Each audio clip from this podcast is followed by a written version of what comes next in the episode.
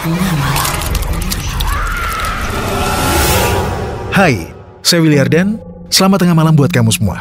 Selamat datang dan selamat mendengarkan podcast lewat tengah malam. Podcast ini menghadirkan cerita dan kisah misteri mengenai pengalaman horor yang dikirimkan oleh teman tengah malam. Tapi, yang lebih luar biasanya pembuatan podcast ini dibantu oleh rekan kami Anchor. Anchor bisa bantuin kamu ngebuat podcast mulai dari rekaman, edit suara, tambahin lagu, backsound, semuanya bisa kamu lakukan sendiri dalam satu aplikasi. Serunya lagi, aplikasi Anchor ini gratis buat kamu. Bisa di-download langsung dari App Store dan Play Store, atau bisa juga diakses dari website www.anchor.fm.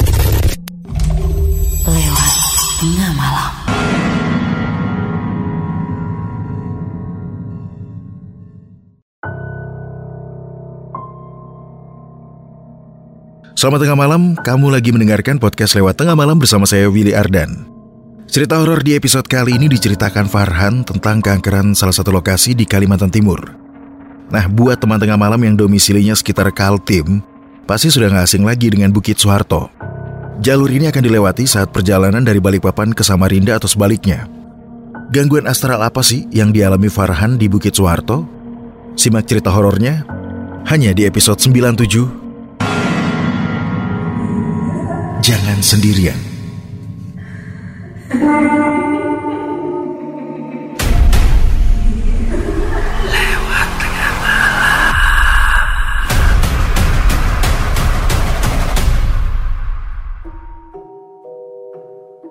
Buat warga di Kalimantan Timur, mungkin sudah tidak asing lagi dengan daerah Bukit Soeharto yang sekarang menjadi calon ibu kota negara. Nah, mungkin beberapa dari kalian pernah melewati jalur di Bukit Soeharto. Ini merupakan jalur alternatif Samarinda Balikpapan. Tapi, bagaimana rasanya pada saat kalian melewati Bukit Soeharto di malam hari? Oh ya, Bukit Soeharto merupakan hutan raya yang dikelola pemerintah. Nah, minimnya penerangan di Bukit Soeharto sehingga membuat sensasi yang luar biasa spooky ketika dilewati jalur ini pada malam hari. Nah, kisah keangkeran Bukit Soeharto dialami sendiri oleh Farhan. Kejadian ini ia alami sekitar tahun 2019. Sampai sekarang kejadian ini juga masih membekas di ingatannya. Saat dia harus berhadapan dan juga mendapatkan gangguan dari sosok makhluk astral atau mereka yang tidak terlihat. Hari Minggu aku libur kerja. Sudah jauh hari aku memutuskan untuk liburan ke Samarinda. Hanya sekedar ingin bertemu teman lama yang kuliahnya di Samarinda. Dan pastinya untuk menghilangkan kejenuhan, jam 10 pagi aku sudah tiba di kos temanku. Aku dan temanku akhirnya memutuskan untuk jalan-jalan ke mall sekedar untuk nonton di bioskop, terus lanjut nongkrong di kos-kosannya sambil main game. Tapi rupanya karena kasihkan main game sampai larut malam, akhirnya membuat aku males untuk balik ke Balikpapan. Ditambah lagi kondisi saat itu sudah malam. Tapi ya mau gimana lagi, pekerjaan yang menuntut aku harus balik karena besoknya pagi-pagi aku harus balik kerja lagi. Pikirku jam 2 subuh waktu yang tepat untuk balik ke Balikpapan. Jadi aku sempatkan untuk ambil waktu istirahat sebentar. Kemudian aku nyalakan alarmku, aku set up di jam 2 subuh. Kemudian aku memilih untuk rebahan sambil menunggu jam 2 subuh. Tiba-tiba alarm handphone berbunyi, aku segera bangkit dari tempat tidur dan aku coba untuk membangunkan temanku. Za, aku mau balik ke kos sekarang. Reza terlihat setengah mengantuk, setengah sadar. Terus dia ngomong gini, Han, Farhan, kamu yakin mau balik sendirian jam segini? Ini jam 2 subuh loh. Nggak takut ada yang ngikutin. Aku mencoba untuk tidak menghiraukan perkataan dari Reza.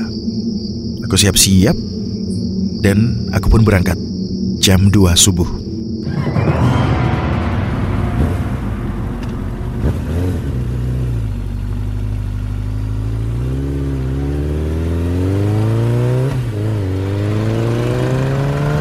Selama perjalanan tidak ada kejadian aneh yang aku alami.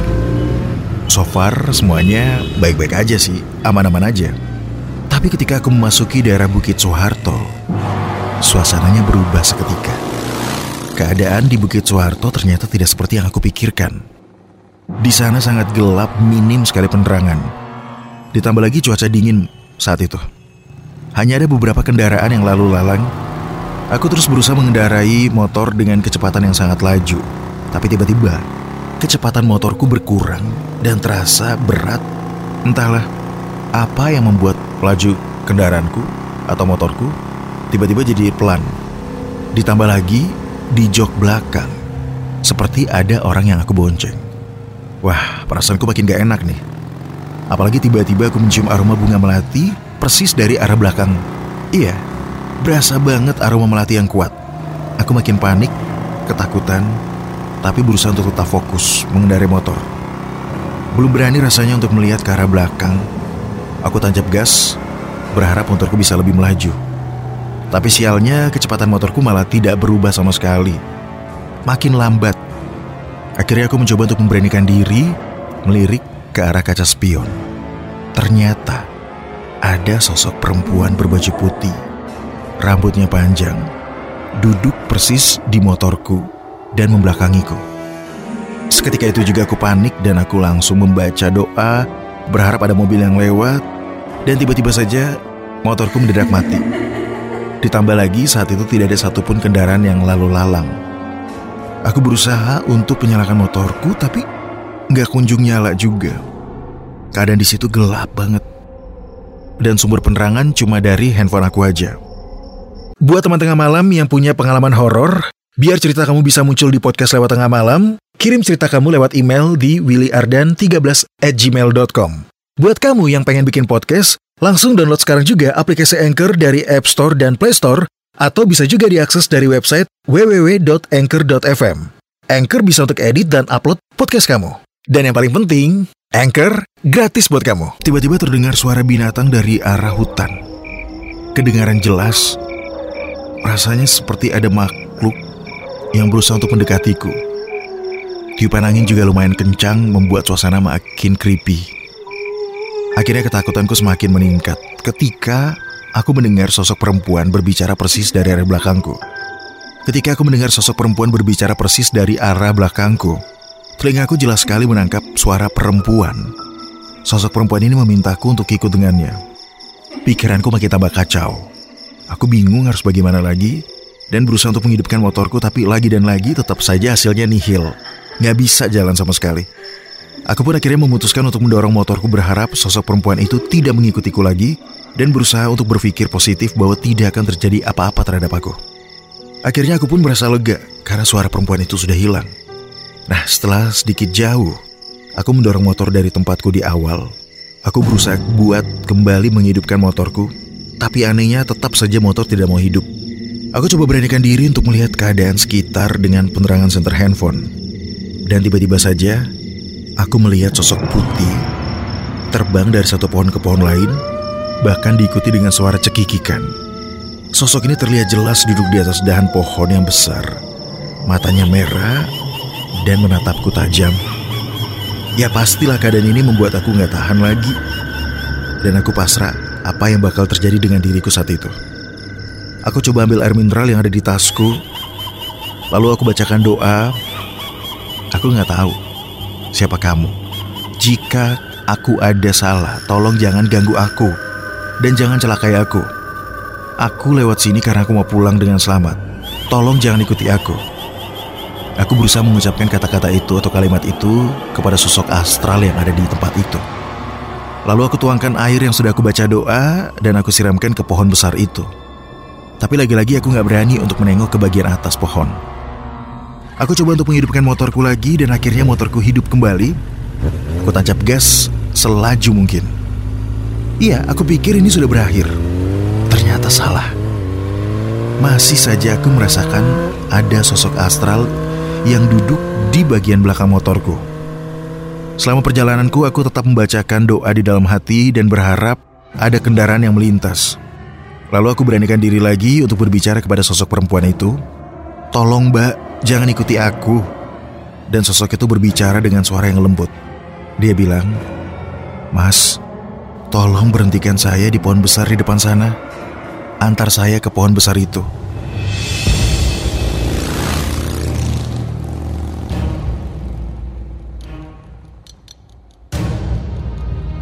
Tiga menit kemudian sampailah saya di dekat pohon besar itu.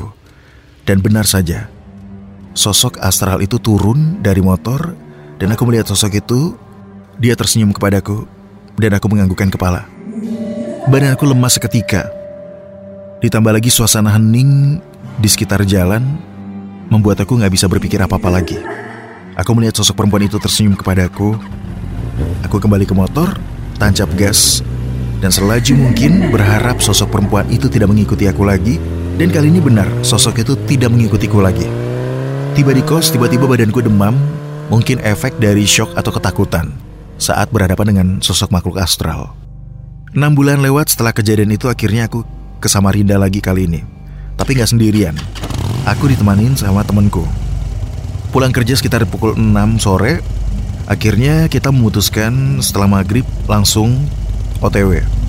Sebenarnya masih ada rasa panik atau takut untuk melewati Bukit Soeharto pada malam hari. Tapi berhubung Perjalanan kita dimulai dari jam 8 malam, suasana di jalan masih terlihat rame. Masih banyak yang melintasi Bukit Soeharto. Apalagi aku gak sendirian kali ini, barengan sama temanku. Selama perjalanan temanku yang nyetir motor dan aku masih dengan perasaan yang khawatir. Temanku berhenti di sebuah warung karena dia ingin membeli minuman dan aku hanya mengiyakan saja. Tapi aku lebih memilih tetap di motor. Temanku akhirnya membeli air mineral yang ada di warung itu. Tapi yang aneh, warung itu penerangannya hanya memakai obor. Dan orang yang berada di warung itu berpakaian seperti zaman dulu. Pakai sarung, rambut disanggul, pandangan matanya kosong. Tapi rasa-rasanya aneh banget. Kenapa di tempat sesepi ini ada warung, tapi aku tidak ingin menceritakan hal-hal horor yang pernah aku alami selama melewati Bukit Soeharto kepada temanku. Setelah temanku membeli air minum, kita langsung melanjutkan perjalanan lagi. Spontan aku menengok ke arah belakang dan melihat ke arah warung itu. Dan yang anehnya, warung itu lenyap entah ke mana. Setelah melewati Bukit Soeharto, aku pun menceritakan kejadian itu. Apa yang aku lihat saat temanku membeli air minum di warung itu. Nah rupanya temanku juga merasakan keganjilan terhadap ibu penjaga warung itu. Nah karena penasaran, temanku langsung mengecek uang kembalian saat dia membeli air mineral di warung yang tadi mereka singgahi. Dan di sinilah keanehan baru muncul. Tidak ada uang sama sekali yang dia taruh di dalam dompet. Tapi justru yang ada daun-daun kering. Kejadian ini membuat aku dan juga temanku memutuskan untuk esok harinya tidak pulang ke Balikpapan pada malam hari. Aku juga memutuskan tidak akan pernah lagi melewati Bukit Soeharto ketika malam hari. Karena situasi di sana ketika malam hari gelap karena minim penerangan dan rawan kecelakaan lalu lintas.